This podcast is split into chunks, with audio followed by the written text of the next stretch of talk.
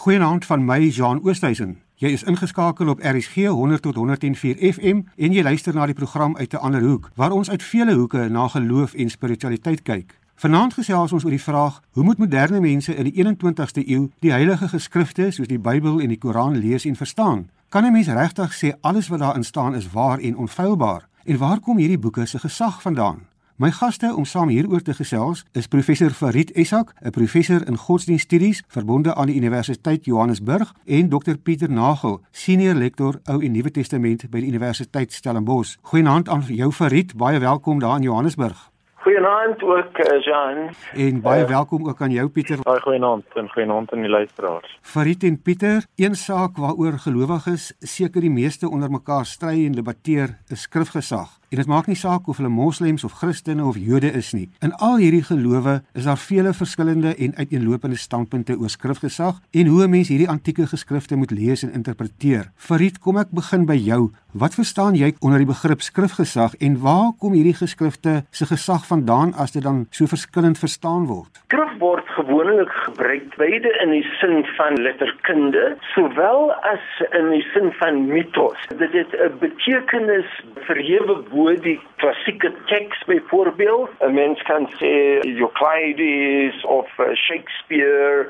Daai tipe van tekste het 'n sekere betekenis, sekere standing in die oë van uh, Engelssprekendes of mense wat die klassieke periode belangrik beskou, maar in die godsdienstige sin het 'n teks miskien meer as net daai betekenis. Of die teks self of hoe dit ontvang word, word beskou as ontstaan eers buite die wêreld van mense en die wêreld van dinge, die wêreld van gevoelens teks en vir gelowiges natuurlik hulle praat van die teks as die woord van God. Met sê dit nou vertolk was in die woord van mens? Of soos moslems dit nou wel glo direkte openbaring van God sonder enige menslike of materiële veranderings van die oorspronklike skrif wat geopenbaar was. Wat ons eintlik praat is praat van 'n teks, ons praat van iets wat ontstaan vir die gelowiges in 'n buitemateriale wêreld en hoe hulle dan die teks benader is 'n sekere sin van ek is nou in die teenwoordigheid van God. Of dit nou God is wat nou as mens geopenbaar was vir Christene of dit nou 'n uh, God is wat nie maklik herkenbaar is nie of kan imagine hoe hy God ontstaan dis nou 'n ander kwessie vir ander gelowiges. Skrif is iets vir gelowiges wat buite ons wêreldlike konteks ontstaan. Baie dankie. Ek gaan terugkom daarna toe Pieter die woord skrifgesag uit 'n geloofsoogpunt Wat beteken dit vir jou en hoe sou jy dit opsom?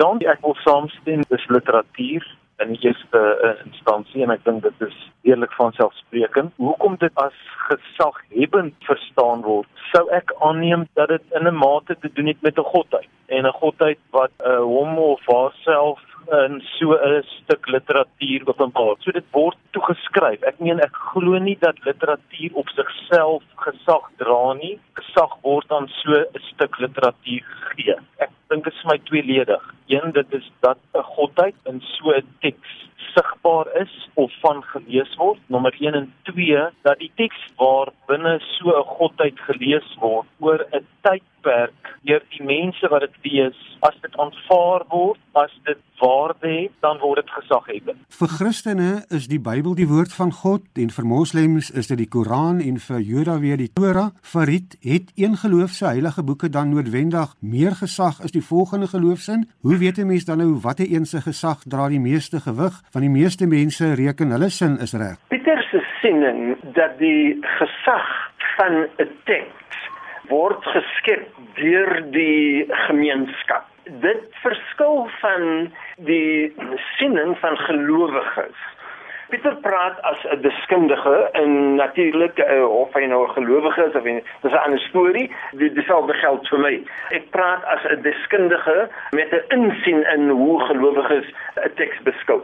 So die eerste kwessie is waar ontstaan die gesag van die teks? Volgens mense wat uh, fenomenologies of wat godsdiens uit 'n kritiese oog uh, beskou, kan 'n teks net gesaghebend wees as 'n gevolg van die mens. Wat daarin glo, wat dit dink dat dit is uh, sinvol vir hulle lewe en die mate in hoe hulle hulle self koppel aan die teks. Maar volgens gelowiges ontstaan die teks en met die teks gepaard met die skrif gepaard se gesag in 'n ander deel van lewe of in die kosmos het sy jy dit nou erken of jy dit nie wil erken nie. Dis die ou tipe van filosofiese vraag van kan 'n mens sê daar bestaan 'n klank as 'n blaar val en niemand het gehoor die blaar val nie. Bestaan daar iets soos 'n klank? Vir gelowiges bestaan die teks en die teks het gesag op sy eie. Het sy daar een gelowige in die teks is of daar is 'n duisende of miljoene of niemand wat in die teks glo nie. En dit natuurlik verander die kwessie van wat beteken die teks dan vir mense as gelowiges of as deskundiges of dis bloot denkende mense.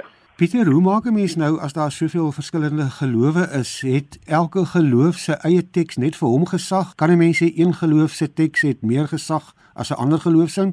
Of dit hang dit af van jou spesifieke geloof? Ek dink tog dit hang af van jou spesifieke geloof. Die gesag van 'n sekere stuk literatuur word na my mening bepaal deur diegene wat daardie teks lees en vir wie daardie teks waardevol is, sinvol is betekenisvol is en daarom word daar gesag aangeheg. Ek meen dit is tog so dat dit ook gesag kan hê en ek is absoluut daarmee eens omdat daar gemeen word dat 'n godheid so 'n medium, so 'n stuk literatuur gebruik om hom of haarself te openbaar. Vanuit my posisie wil ek sê dit kom meer van onder as van bo. Ek kan nie sê dat een stuk literatuur belangriker of meer gesaghebend is as 'n ander stuk literatuur. Dit word vir my bepaal deur die leser wat daardie aan daardie literatuur toedig. Farid, kan jy miskien net ter wille van ons luisteraars wat nie so vertroud is met die moslim geloof nie, verduidelik waar kom die Koran vandaan? Is dit letterlik die woord van God en het die engel Gabriël dit letterlik so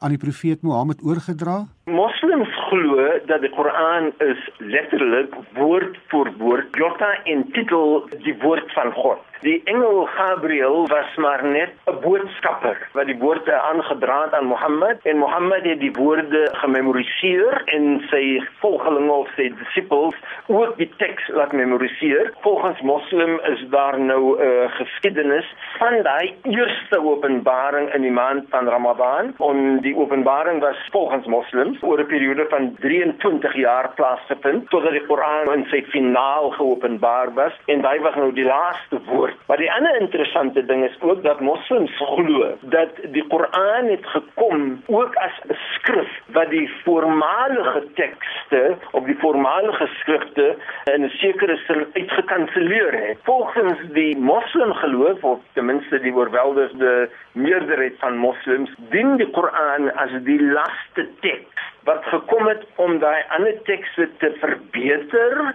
of korrupsie of verwarring wat ingekruip het oor die jare en die Koran is nou dan die finale woord volgens 'n moslimgelowige. Pieter Farid praat nou van 'n Jodan 'n titel en dat die meeste moslems glo elke Jodan titel in die Koran is waar en baie Christene sê die Bybel is die woord van God asof alles wat daarin staan direk van God afkom dat die hele Bybel in sy totaliteit deur God geïnspireer word en party mense praat hmm. van God se woorde in mensetaal en ander sê weer nee dit is eintlik maar net hoe die mense van daai tyd oor God gedink het met die kennis tot hulle beskikking. Kom elke woord wat in die Bybel staan direk van God af? John, ek dink jy sê dit raak dat daar 'n spektrum is van benaderings. Dit wissel van elke woord is dan inderdaad die woord van God tot dit is maar woorde van mense oor 'n godheid en alles daartussenin. Na my mening dink ek daar's genoeg data, daar's genoeg navorsing, daar's genoeg manuskripdata wat vir ons wys dat hierdie proses aan die gang is en die ek wil amper sê en ek wil dit so positief as moontlik stel, die menslike kontaminering van die literatuur, die tekste is duidelik sigbaar. Maar is ook goed so en ek sê dis goed so omdat mense die teks lees en dat mense met ander mense wat die teks skryf en lees en weer herlees en interpreteer. Dit is 'n aanhoudende lees en herlees van die teks deur mense. En ek dink dit is vir my die sleutel dat mense bly aanhoudend die teks lees en dit probeer verstaan dit behoort die karakter te bepaal en dan is dit ook natuurlik 'n baie spesifieke boek. Dis 'n boek van mense in 'n verhouding met 'n godheid. En dis inderdaad so. Maar ek dink die identifisering van binne daardie teks is natuurlik mense en mense wat daardie skryf en mense wat daardie lees. Ek wil vir albei van julle vra na aanleiding van wat julle tot dusver gesê het. Moderne mense leef tog in 'n milieu van kennis en wetenskap en tegnologie en ons word ook toenemend daarvan bewus dat die Bybel en die Koran nie net boeke vol feite is nie, maar dat dit ook fabels en mites en oorgelewerde verhale behels. Hoe raak die kennis waaroor ons vandag beskik dan die gesag van hierdie heilige geskrifte Farid? Dit onvermydelik dat nuwe kennis, nuwe ontwikkeling, uh, wetenskaplike ontwikkeling, tegnologiese ontwikkeling Dit is onvermydelik dat daar groter spanning sal ontstaan tussen die gesag van die teks of die idee van die teks as net 'n hele kolleksie van feite. Al hoe meer vind 'n mens dat gelowiges of hulle is nie gewillig om die moeilike vrae te vra oor die teks nie en vermy dit bloot en aan dit aan die een kant en dan kry jy ander meer deskundiges mense wat werk met die skrif met die moslimskrif op 'n meer wetenskaplike manier wat wel sê dat wagmense hier is 'n groot probleem. Uh, sommige kere is dit 'n eenvoudige probleem tot 'n meer morele of 'n meer morele angstige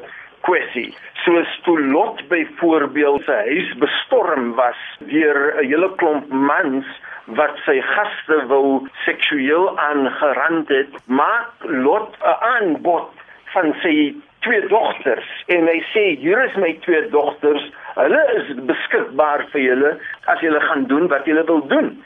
En hier sit 'n mens met 'n groot morele dilemma. Hoe bied 'n profeet sy twee dogters aan aan 'n hele groep van mense wat sy mansgaste wil kom molesteer of wat sy mansgaste wil kom verkrag. So al meer is dit 'n minder geloofbaar om die teks te beskou as 'n kolleksie van feite in die wetenskaplike sin van die woord in gelowiges sowel as denkende gelowiges begin al hoe meer hierdie kwessie in die gesig staar. Pieter, wat maak ons met hierdie hierdie dilemma's waarvan Farid nou praat as ons in ag neem dat ons vandag meer weet en meer kennis het oor baie dinge as wat die Bybelskrywers gehad het?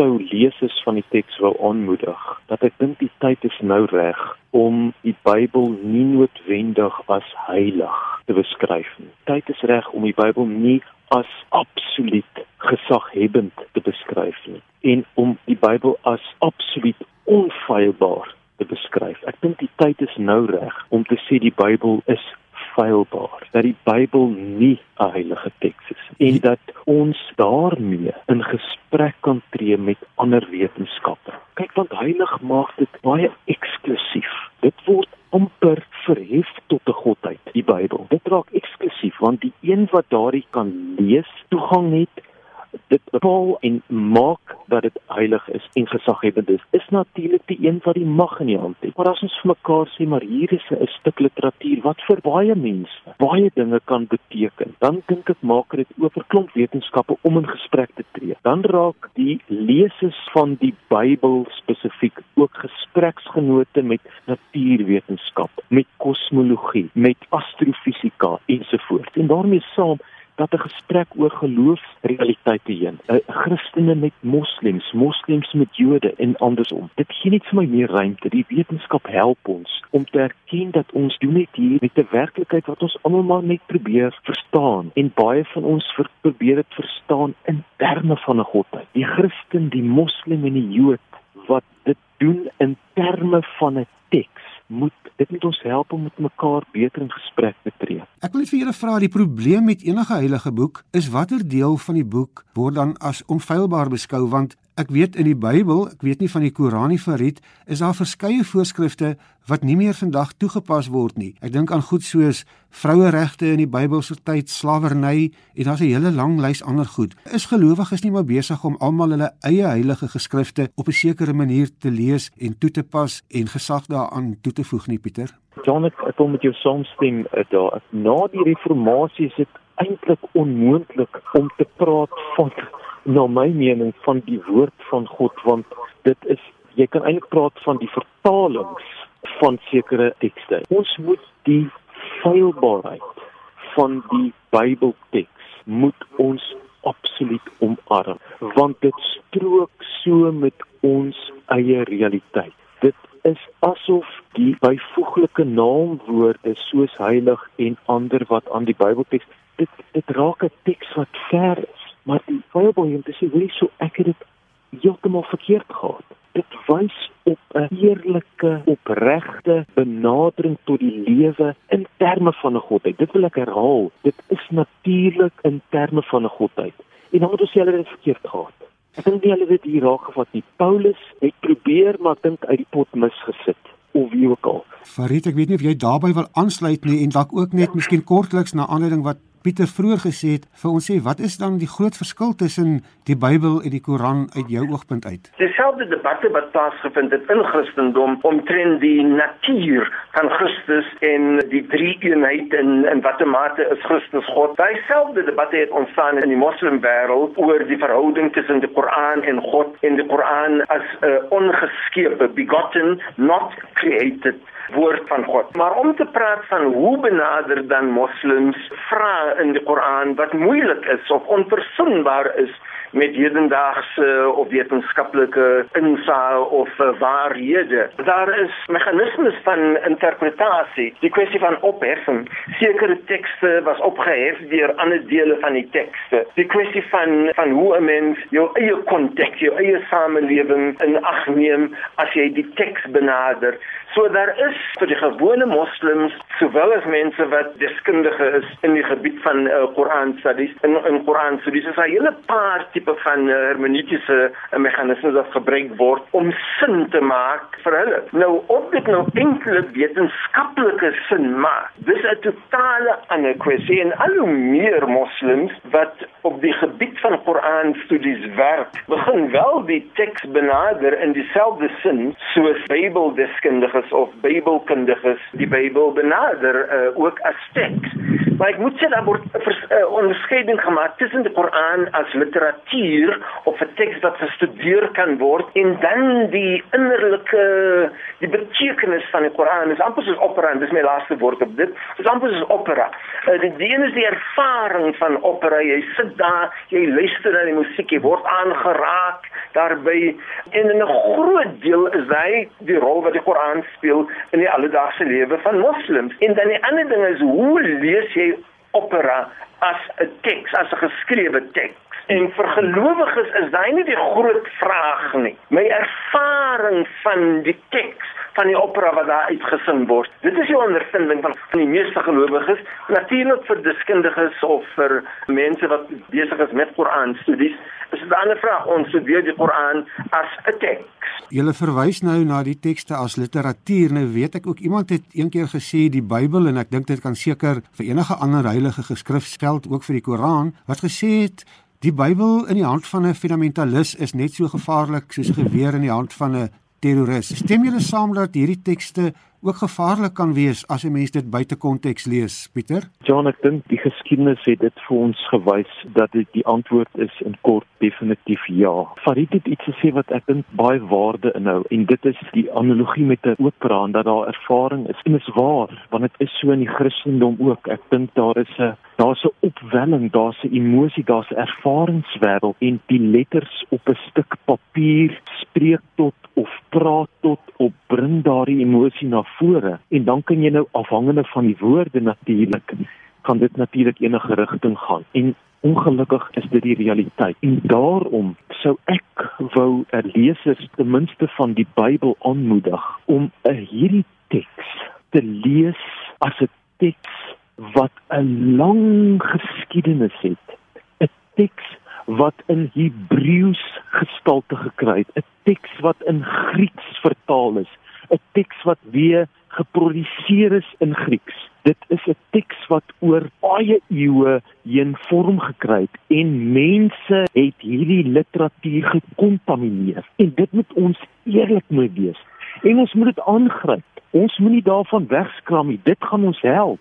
Farid, hierdie tekste, hierdie heilige tekste, het sy dit die Bybel of die Koran is wat so deur sommige radikale fundamentaliste gebruik word om hulle ideologie te verkondig. Wat maak 'n mens daarmee? Ek dink dit is 'n groot probleem. En ek sien heeltemal saam met jou en Pieter dat ons tekste word gebruik as skools in 'n geweer om ander mense uh, ja. leer aan te doen. Dit is wel waar. Dit is natuurlik ook waar dat die teks uh, dat die dat ons skrifte uh, inspireer ook baie van ons om beter mense uh, te wees in die samelewing en 'n positiewe bydrae te maak aan die skepping van 'n nuwe uh, tipe van wêreld. Maar waar ek nie saamstem nie, is die hele idee dat mense wat die teks gebruik vir ander doeleindes, het sy gewelddadige doeleindes of vrede. Dat hulle lees die teks buite konteks. As mense sê hulle lees die teks buite konteks, dan dan die, die ander kant van dit is dat ons lees die teks in sy regte konteks. En dan die een uh, gevolg van dit is dat die teks het 'n enkelike uh, het 'n enkelike betekenis wat moet waar wees en dat daar net een egte of autentieke betekenis is. En dit is heeltemal waar nie. Die waarheid is dat ons tekste het ook ontstaan in stryde van geweld, in stryde van eh, die demonisering van ander gelowiges of ander mense wat 'n kultuur het of mense wat ander tale praat en so aan. En dit is ook 'n kwessie wat ons in die gesig moet staar. Ons kan nie net sê dat die enigste autentieke lesing van ons tekste is 'n vreedsame lesing nie. Alhoewel ek as 'n vreedsame gelowige wil graag daai vreedsame, daai tolerante, daai meer bedagsame betekenis in die teks wil lees.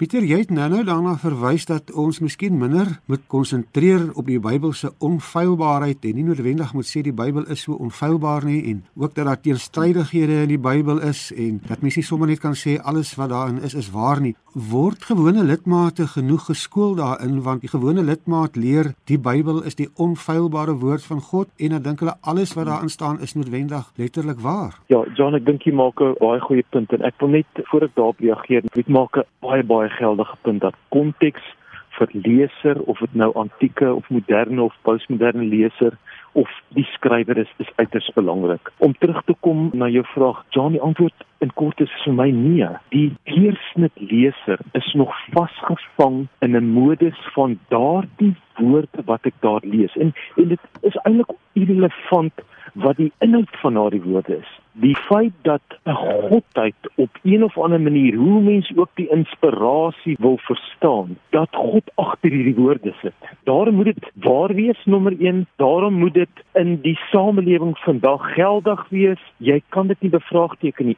Ongelukkig word gemeentelede daai woord in stand gehou. As ek met alle respek kan sê, mense kan verstaan jy wil nie op tone trap nie. Dis gemeentelede, dit is daar's 'n klomp reperkusies, maar ek dink die tyd na my mening is reg sodat ons die lesers van die teks voorberei dat hierdie letters op 'n stuk papier meerwaarde inhou, vryheid kan bring as ons dit lees soos Farid gesê het binne ons konteks en dat elke woord of die inhoud daarvan nie noodwendig oral altyd aan 'n godheid hoef toegeskryf te word nie en daarom nie absoluut waar en absoluut gesaghebend is en ook nie heilig is nie. Ons tyd is byna verstreek. Ek wil net hier teen die einde Farid weer raak aan iets wat jy genoem het. Ons het onlangs weer die geval gehad van moslems wat in moskeeë doodgeskiet is in Nieu-Seeland en ook Christene wat in Sri Lanka vermoor is. Is hierdie heilige geskrifte nie soms 'n oorsaak wat hierdie mense aanspook om dit te doen en hoe oorkom ons dit want hier by ons het ons nou die dag weer in ons eie land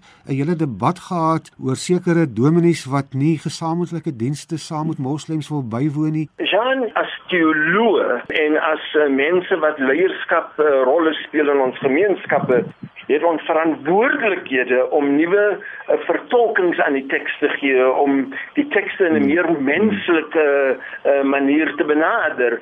Maar om die geweld of die kwaad in die lewe toe te skryf aan die teks self Dit is 'n wanopvatting dink ek. Ek dink dat tekste in soos ek gesê word ontlont deur politieke en sosiale ekonomiese omstandighede. Pieter het in 30 sekondes se laaste woord van jou. Ons tyd is verstreke. Uiteindelik is die vraag by baie gelowiges of daar dan werklik net een pad na die hemel of die hiernamaals is want daar's verskillende skrifte en alles. Hoe moet gelowiges hiermee omgaan? Moet hulle nie miskien leer om meer verdraagsaam te wees teenoor mekaar en meer van ander gelowe te leer nie of wat is jou oplossing? John in kort, as ek 'n broer of 'n suster kan ontmoet, ongeag die geloof, en dit gaan beteken dat ek vir 'n ruk my Bybel moet in 'n rak los, dan doen ek dit. As dit beteken dat my broer 'n moslim, jood of wie ook al 'n seer gekry het, swaar kry. En dit gaan beteken dat ek nou vir eers daai teks in my op my bedkas moet agterlaat. Hy moet stof opgaar, dan doen ek dit. Baie dankie aan my gaste, professor Farid Essak, 'n professor in godsdienststudies by die Universiteit Johannesburg en Dr Pieter Nagel, senior lektor Ou en Nuwe Testament by die Universiteit Stellenbosch. Ek is Jean Oosthuizen en jy het geluister na die program uit 'n ander hoek. My e-posadres net weer is jean.oosthuizen@gmail.com